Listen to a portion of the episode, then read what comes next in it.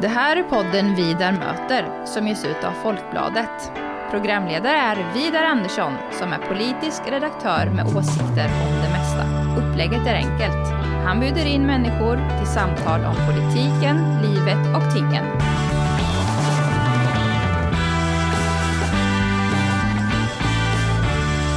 Olle Wikmång, varmt välkommen till Vidar möter. Tack så mycket. Vi sitter i rådhuset här och det är nästan utrymt. Det är bara du och jag här va? Ja, det är bara du och jag här. Hela huset är utrymt förutom två rum i bottenplan som man inte har hunnit utrymma än, så att vi smet in här. Mm. Och eh, vi sitter här, det är lite drygt tre veckor kvar till valet. Ja. Ja, och eh, vi har precis varit uppe i hörsalen. Pågår lite aktiviteter där, en Ja. debatt. Socialdemokraterna, Moderaterna. Hur, hur går valarbetet annars? Vad gör ni? Nej, men vi, eh, vi fokuserar ju allt arbete på att föra samtal med Norrköpingsbor. Eh, och då är det i första hand väldigt mycket dörrar som ska knackas, samtal som förs eh, i dörren. Men vi ringer också en hel del. Eh, Så det är väl i huvudsak det som det vi ägnar våra, våra dagar åt. Och sen såklart det vanliga arbetet med att eh, planera och genomföra mediautspel och annat. Då. Men, men eh, det riktiga fotarbetet är ju dörrknackningen och, och ringkampanjen skulle jag säga. Så folk svarar i telefon? Ja, men det tycker jag. Eh, nu ringer vi framförallt en, en äldre målgrupp och de tror jag är mer benägna att faktiskt svara i telefon än vad, vad yngre är när det är ett nummer man kanske inte känner igen. Ja. Eh, men man svarar. Men, men eh, jag är väldigt positivt överraskad, eller positivt överraskad, men, men väldigt positiv eh, vad gäller mottagandet, inte minst i dörrknackningen. Eh, där tycker jag ser att eh, li, lite skifte jämfört med tidigare valrörelser. Mm. Vad jag förstår, eh, de andra partierna knackar också dörr. I varje fall Moderaterna. Det ser jag på sociala medier emellanåt också. Eh, Ja, jag tror att det är vi och Moderaterna som, som använder oss av, av den metoden. Pratar era ombudsmän med varandra så ni inte springer ihop i samma dörrar samma kvällar? Eller, eller vet? Nej, det, det gör vi inte. Sen tror jag nog att vi har, eh, har väl delvis olika målgrupper också i valet som vi, som vi eh, liksom bearbetar och jobbar mot. Så att Mm. jag tror inte risken är jättestor att vi springer på varandra ändå. För den här dörrknackningen, det handlar mer om att mobilisera ja, sina väljare, om man säger, eller de som ligger nära? Eller? Hur? Nej, det skulle jag inte säga. Det handlar minst lika mycket om att faktiskt... Eh, när man är valrörelse handlar det väldigt mycket om att, att eh, övertyga osäkra väljare men också kanske att flytta väljare från, från Mm. andra partier som man vet är eller kan anta är påverkansbara. Så att det, är, det är inte alls bara mobilisering i, i de egna områdena där man Mm. är stark från början. Du tillträdde ju som kommunstyrelsens ordförande, var det 1 december eller sista november? Någonstans, 2020? Ja, 1 december 20 tillträdde jag. Ja.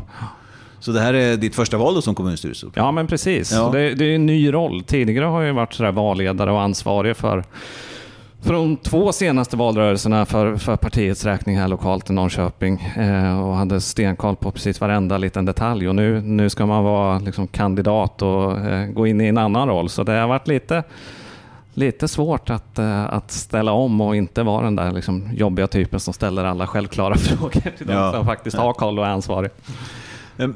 Känns det extra lite pirrigt då? Du är ju ändå så här högsta, är, är ju kandidat att Mm. fortsätta vara kommunstyrelsens ordförande. Och- Ja, men absolut. En helt annan typ av nervositet, eh, skulle jag säga. Det, var, det har varit pirrigt tidigare val också, men då har det eh, funnits så mycket annat att liksom hänga upp det där på. Att eh, Man kan sätta sig och förbereda nästa kvälls knackning eller vad det nu skulle kunna vara. Nu har man inte den typen av uppgifter. Så att, eh, det, man, man har lite...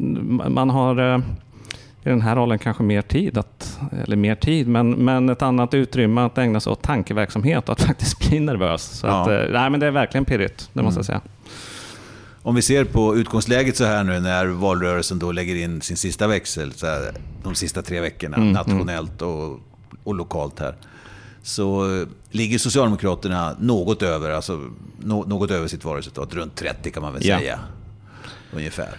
Och ehm, så, efter att liksom ha, ha backat under lång period. Ja. Mer strukturellt och det har ju också skett här i, i Norrköping. Ja.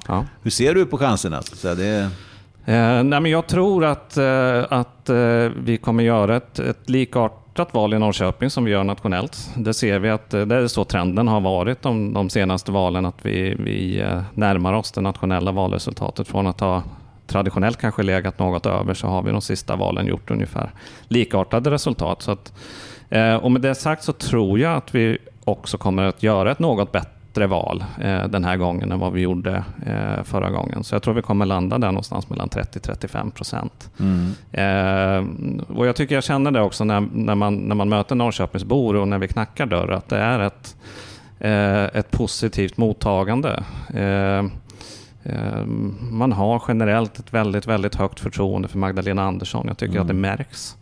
Eh, jag tycker också att man märker att, att eh, det finns en positiv syn på liksom, utvecklingen i Norrköping, men också en oro för, för liksom det eh, minst sagt skakiga läge som vi har i liksom Sverige, världen, Europa, mm. Norrköping just nu. Mm. Så att, men, men, som sagt, jag tror vi...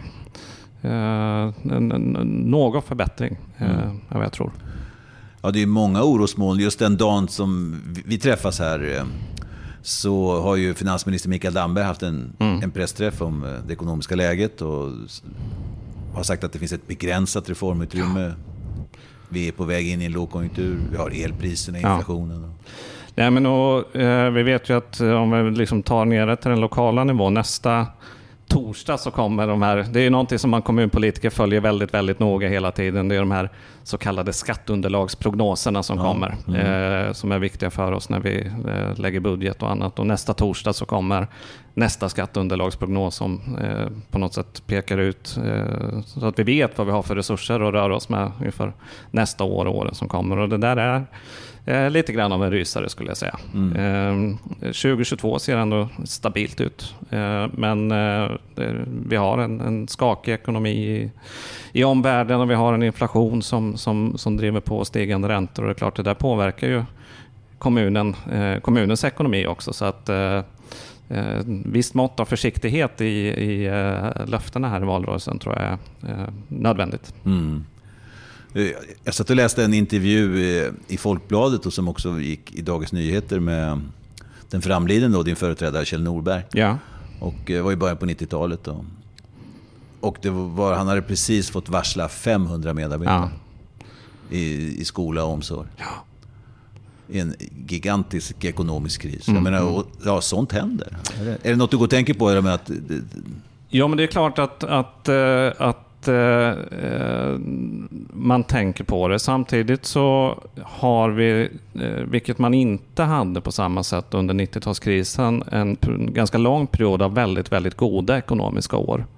Eh, så att vi har ju faktiskt eh, liksom kunnat spara rejält i ladorna i kommunen. Så att vi har ändå ta av om, om det skulle komma en, en... För man vet, en lågkonjunktur är i regel eh, en tillfällig historia. Mm, mm.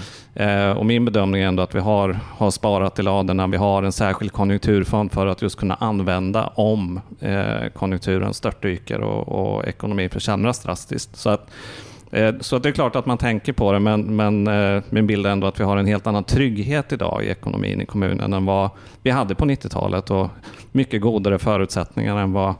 min företrädare själv faktiskt hade. Mm.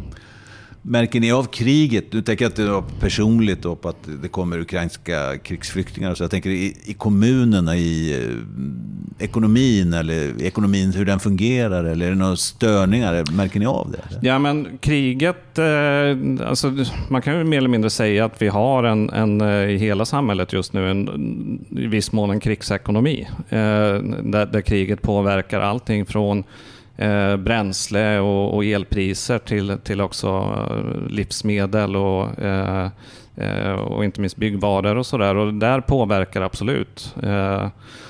Så att där ser vi ju att, att livsmedel till exempel som, som inte går på liksom långa avtal utan som indexeras blir dyrare. Mm. och drivmedelspriserna påverkar ju såklart också kommunen.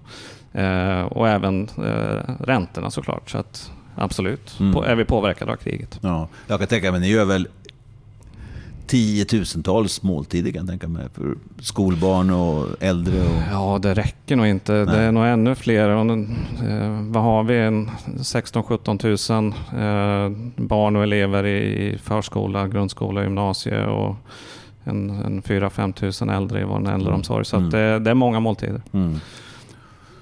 Och ett par kronor på varje, var, varje portion, det blir pengar. Ja, det blir det. Ja. det, blir det. Du, eh, du leder ju en kvartett Ja. av partier. Och också Miljöpartiet med på ett hörn då för budgeten. Ja, men precis. precis. Det är fem av åtta partier egentligen som är involverade i styret. Ja. Hur tänker du framöver? Nej, men jag, eh, jag, vi, vi har ju egentligen alla partier som ingår i den nuvarande kvartetten sagt att nu, nu går vi tydligt till val som, som enskilda partier och vi, vi låter valresultatet utvisa vad som finns för förutsättningar efter valet. Eh, vi socialdemokrater har, har ju varit tydliga med att vi stänger egentligen inga dörrar alls förutom mot Sverigedemokraterna när det kommer till att formera en ansvarsfull eh, kommunledning efter nästa val.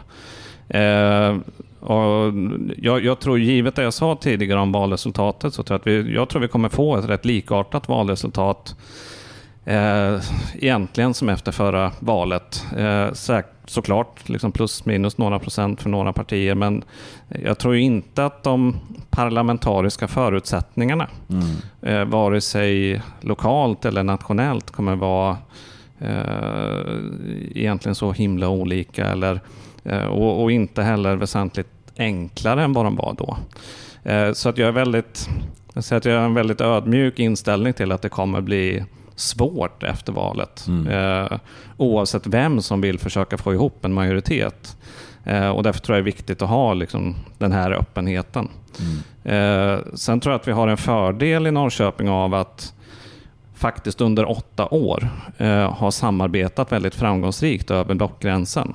Eh, eh, och det kommer ju såklart vara en, vara en styrka i de samtal som är helt nödvändiga efter valet. Att eh, ett antal partier faktiskt känner varandra väldigt väl och vi, vi vet var vi har varandra. Eh, Det skvallras ju om här att eh, Liberalerna är sånt där eh, i farozonen, eller om man uttrycker det från din synvinkel, så att man, eh, man kör väldigt hårt på vindkraften och där har du ju nej-sägarna-partierna då kan man säga. Det är Ja. Moderaterna, Sverigedemokraterna och Liberalerna. Ja. Apropå Holmens Ja, plan i, i Klintaberget där och att... och den situationen har vi egentligen haft under, ja, det är nästan halva den här mandatperioden, ända sedan Holmen kom in med sin ansökan, så har det varit klart att Liberalerna har en annan uppfattning. Och, eh, bevisligen så har vi klarat av att hantera den frågan under, eh, hittills under den här mandatperioden. Eh, så att eh, det ser jag inte eh, liksom en fråga som eh, ett, ett eventuellt samarbete med Liberalerna ska, ska eh, behöva spricka på. Så att, eh, eh, som sagt, jag tror att det finns goda förutsättningar till samarbete brett med, med många partier. Du, när du är ute och knackar dörr här i olika bostadsområden i, i, i Norrköping. Mm. Eh, Då, har du hunnit bli igenkänd? Känner folk igen dig? Ja, men det är lite varierande. Eh, nej, men en, del, eh, en del har ju snappat upp eh, vem jag är. Eh, men men eh, för, för många är jag nog fortfarande en hyfsat anonym typ. Jag tror att det beror på, mm, nog framförallt på hur mycket man själv hänger med i lokalmedia. Ja. Har man, en, har man till exempel en tidningsprenumeration så har det nog varit svårt att, att, att undgå att se mig.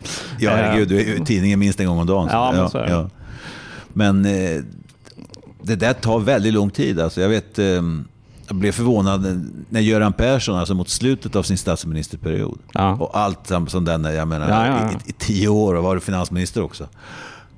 Så var det ändå liksom bara något över 90 procent som liksom kände igen honom. Ja. Långt ifrån alla de kunde placera honom, men som, tyckte han, som kände igen honom. Nej, men men efter alla dessa år. Ja, ja. Men, men eh, alltså det, det är ju sällan, du, det, det är sällan jag, man kan gå på eh, gå en vända på stan eller liksom, eh, gå på parken eller vad, eh, och, och se IFK-spel eller vad man nu gör utan att man träffar någon som, som faktiskt spontant kommer fram om du säger någonting. Ja. eller som, eh, så att eh, ja, ju mer tiden går desto mer igenkänd blir man. Mm. Är det något du eh, är orolig för eller vill du helst kunna gå som en anonym människa? Nej, men jag, eh, ja, min bild är att, att eh, de möten som man har eh, liksom rent fysiskt med människor är i regel eh, väldigt positiva. Mm. Eh, att det är klart att det inte bara, bara är ros, utan det kan vara en hel del ris också. Mm. Men, men i regel när man träffas på gatan så framförs det på ett, på ett liksom, trevligt och konstruktivt sätt. Mm. Där kan ju till exempel sociala medier och annat vara, vara värre. Ja. Eh, men, men, så att, eh, än så länge är det ingenting som jag har upplevt som, som mm. besvärande i alla fall. Mm. Nej, för jag ser, du går ju ut, eh, du gillar att gå på konserter, på musik. Mm. Jag har sett, eh, sett det på sociala medier och var här på ja, den här festivalen, vad heter den? Hugo... Ja, just det. Jag såg Lundell senast ja. Eh, här nere. Ja. Nej, och nu, nu under augustifesten är det jättekul. Alltså det, känns, det märks här att det, det finns ett sånt uppdämt behov efter pandemin att faktiskt komma ut och uppleva saker. Mm. Eh, så att det har varit jättekul med det.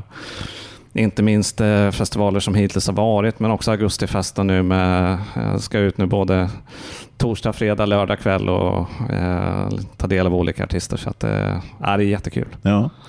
Och det säger alltså Olle Wikmång som är kommunstyrelsens ordförande i, i Norrköping. I vart fall får vi säga fram till valet. Precis. Ja, för eh, du är kandidat där och ehm, det är väl framförallt utmanas av Sofia Jarl i Moderaterna som gärna vill ersätta dig.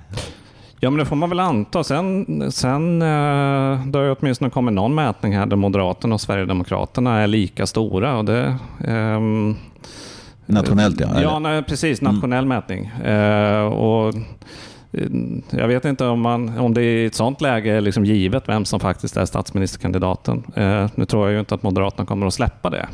Men, eh, men, eh, nej, men det är klart att vi, vi, ser, alltså, vi socialdemokrater ser Moderaterna som, som mm. huvudmotståndaren och det är väl de som på, på allvar kan utmana om, om ledarskapet också. Mm. Det ska bli spännande att följa. Lycka till säger Olle Wikmång. Ja, men tack så mycket. Mm.